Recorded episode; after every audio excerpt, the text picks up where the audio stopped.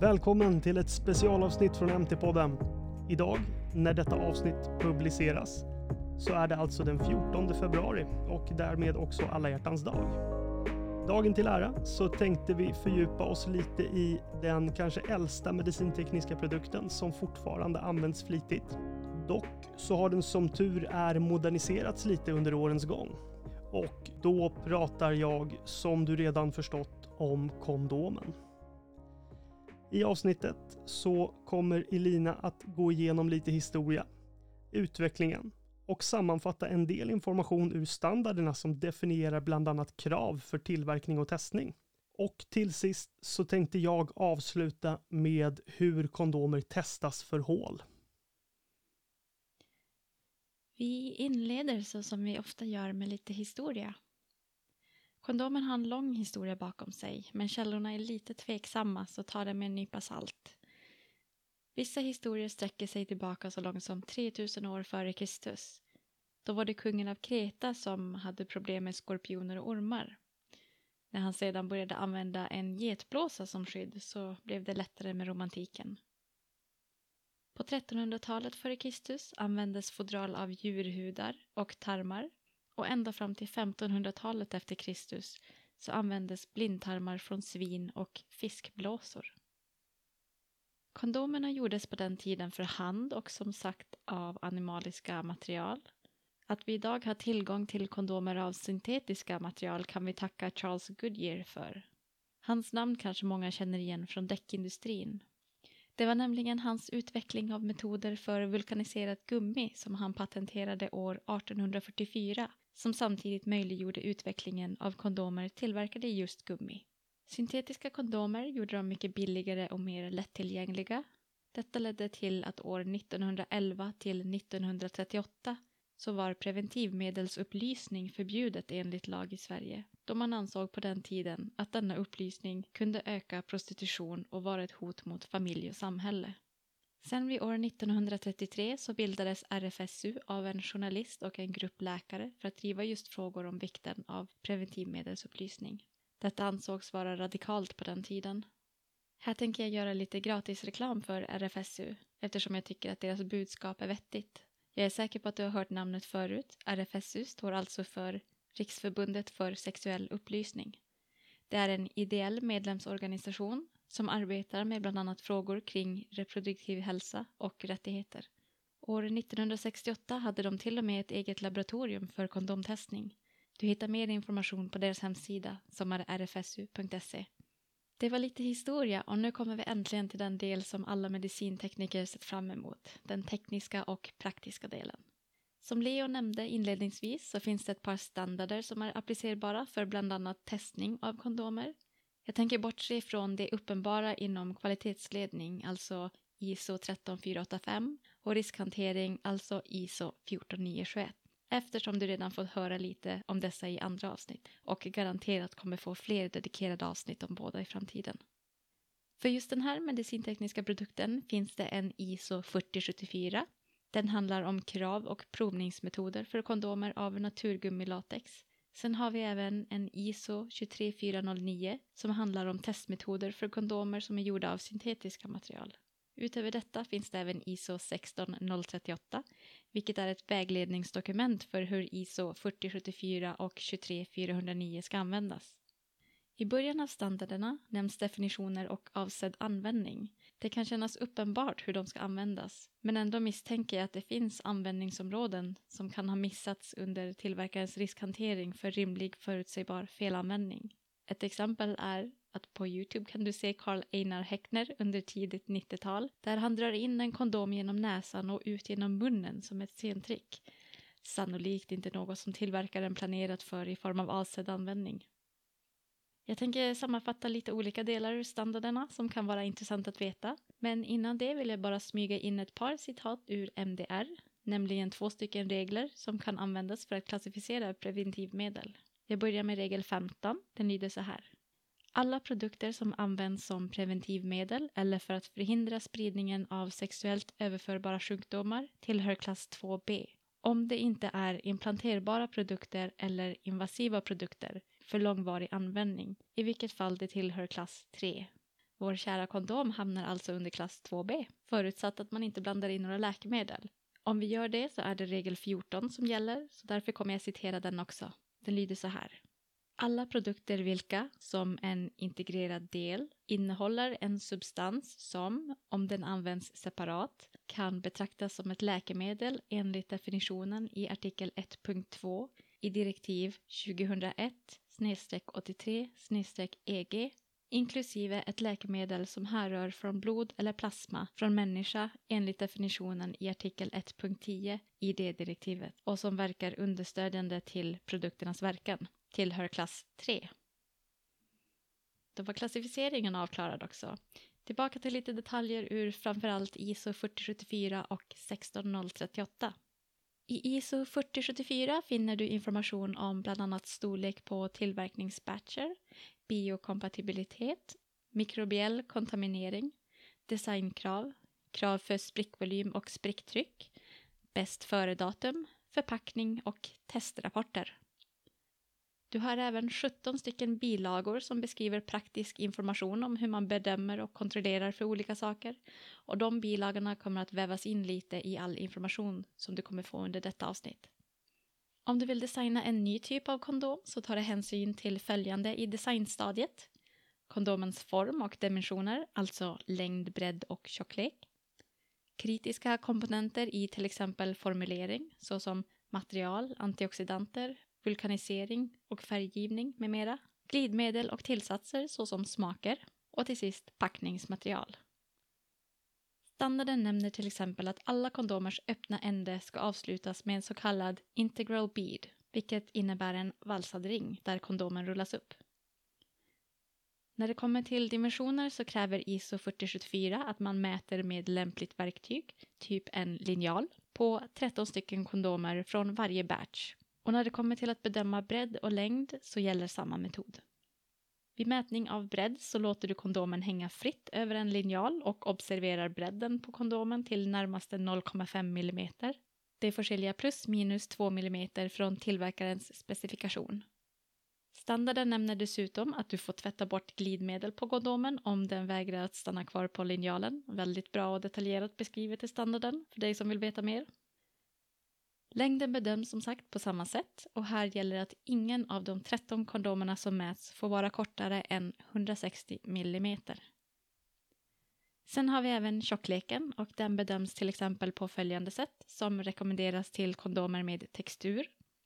Metoden kallas för mass method och du behöver en laboratorievåg med en noggrannhet på 0,1 mikrogram, en hydraulpress, en mekanisk press eller liknande, en så kallad cutting die alltså typ en pepparkaksform. Den ska bestå av två stycken parallella knivar där bladen är 20 mm ifrån varandra med en felmarginal på 0,1 mm och bladen ska vara minst 70 mm långa.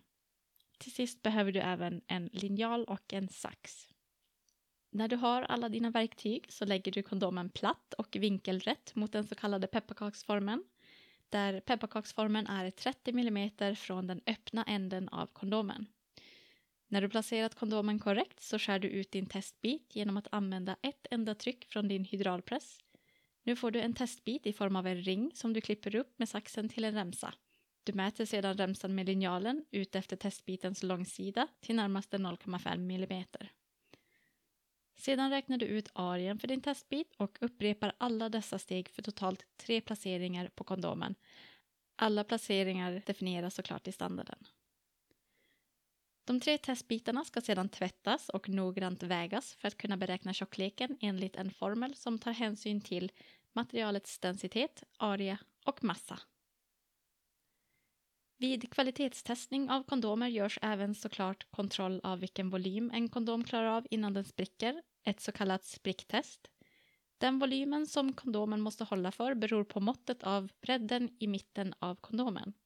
Till exempel så måste en kondom som är mellan 45 och 50 mm över kondomens mitt klara av en volym på 16 kubikdecimeter.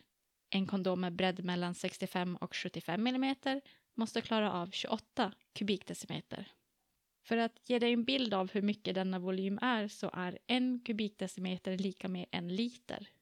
Så som man sa förr i tiden så är det volymen av 16 mjölkpaket som en mindre kondom ska klara av utan att spricka.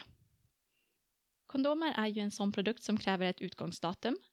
ISO 4074 säger att bäst före-datumet inte får vara längre fram än fem år efter tillverkningsdatumet.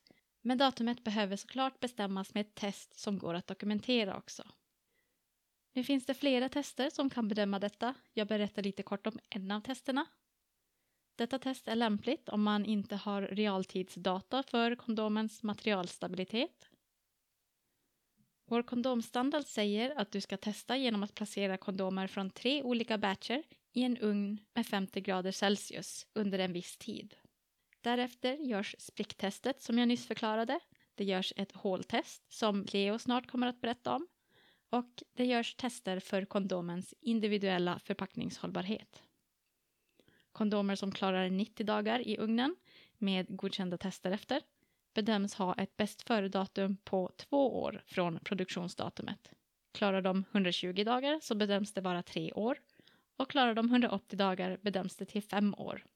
Och som sagt får inte bäst före-datumet vara längre fram än fem år. Nu kommer jag gå igenom kondomernas material.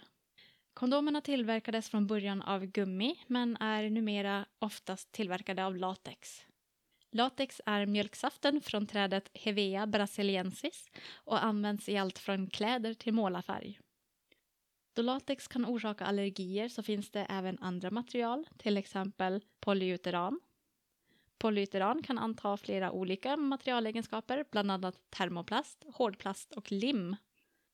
Denna variant har dock visat sig ha en risk av att spricka lite lättare än vad latex har när det kommer till användning av materialet till just kondomer.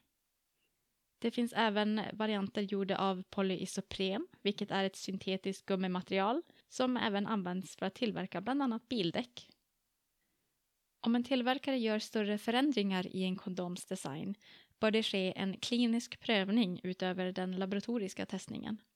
Detta är till och med ett krav om tillverkaren hävdar förbättrad säkerhet eller effektivitet på den nya designen. Dessa kliniska prövningar kan innehålla tester såsom påklädnad, glidning och studier för sönderbrytning samt andra relevanta tester för att säkerställa effektivitet och säkerhet. När vi ändå är inne på materialen som kondomen tillverkas av så nämns det såklart biokompatibilitet i standarden 4074 som även refererar till andra relevanta standarder för denna sorts testning. Det man ska testa för är biokompatibilitet, cytotoxicitet, det vill säga hur skadligt det är för celler, irritation, sensibilisering, det vill säga hur lätt man kan utveckla känslighet mot något. Även tillhörande glidmedel, puder och tillsatser ska testas. Det rekommenderas att tillverkare inkluderar rutiner för periodvis kontroll av mikrobiell kontaminering av de tillverkade kondomerna som en del av deras kvalitetsledningssystem. För detta så kan man använda sig av standarden ISO 11737-1 för sterila medicintekniska produkter samt att man ser till att tillverkningsanläggningen har bra rengörings och saneringsrutiner. För att testa för detta så finns Annex G på fyra sidor med en massa intressant information om det. Glidmedel är ju en komponent av kondomen och de är oftast silikon eller vattenbaserade. Ett vanligt syntetiskt glidmedel är tillverkad av polydimetylsiloxan, vilket är en silikonolja som annars även används som värmebärare i solvärmesystem det vill säga solpaneler. Det finns även oljebaserade glidmedel och eh, med dem är det viktigt att tänka på att de inte ska användas med latexkondomer eftersom det drastiskt försämrar kondomens integritet. Vissa glidmedel har tillsatta ämnen som kan modifiera funktionen av användningen. Exempel på detta är anestesimedel såsom benzokain för att förhindra förhastade slutsatser. Alternativt erektogener baserade på nitroglycerin för att öka blodgenomströmningen samt såklart olika smakämnen. Om ni kommer ihåg regel 14 som jag tidigare nämnde så är den applicerbar i de här fallen och gör dessa kondomer till en klass 3-produkt. Och nu tänkte jag att Leo ska få avsluta med att kort berätta om hur man kontrollerar läckage i kondomer. Varsågod Leo. Ja, vi testar ju som ni säkert förstår inte efter läckströmmar till patienten på just den här medicintekniska produkten. Detta eftersom kondomen oväntat nog inte drivs av elektricitet. Däremot så testar vi efter andra typer av läckage till patienten eller till en av brukarna kanske det heter i det här fallet. Att testa den här typen av läckage kallas i standarden för Freedom from Holes och man kan säga att testerna utförs med tre olika metoder. Två metoder är för att hitta synliga hål och en metod är för att hitta mikrohål. Inledningsvis så testar du efter större hål med hjälp av ett vattentest. Det är rätt självförklarande. Man fyller kondomen med vatten och kontrollerar eventuella läckage. Om det inte finns synligt läckage så rullas den mot färgat absorbentpapper som visar om det kommit igenom mindre mängder av vätska genom att pappret såklart färgas. Vi testar som sagt inte elsäkerheten, däremot så testar vi faktiskt säkerheten med hjälp av el. Efter att du har testat för att upptäcka eventuella synliga hål så ska du också testa för mikrohål. Och detta gör man med hjälp av elektricitet och principen fungerar ungefär på följande sätt. En kondom utan hål har isolerande egenskaper och en kondom med mikrohål har då inte samma isolerande egenskaper. Så vi använder alltså elektricitet för att testa just ledningsförmågan.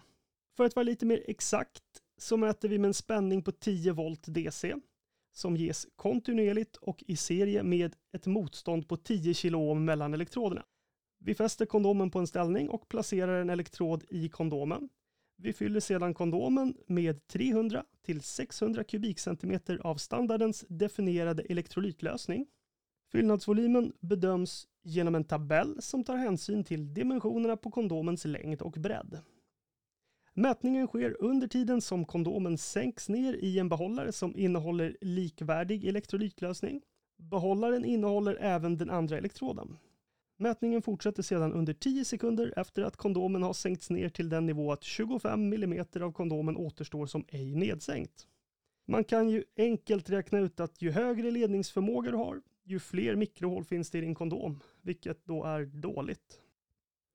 Och där var vi färdiga för den här gången. Tror det eller ej, men trots detta lagom långa avsnitt så finns det flertalet intressanta saker som exkluderats. Vill du höra mer så kan du efterfråga ett fördjupningsavsnitt eller kanske till och med läsa standarden själv. Du har lyssnat på ett eh, lite roligare men inte lika matnyttigt specialavsnitt från MT-podden. Och du har fått lära dig om kondomens plats inom medicintekniken. Podden görs i samarbete med Lars Karlsson och Svensk Medicinteknisk Förening. Maila frågor och funderingar till nyfiken mtpodden.se och följ oss på LinkedIn.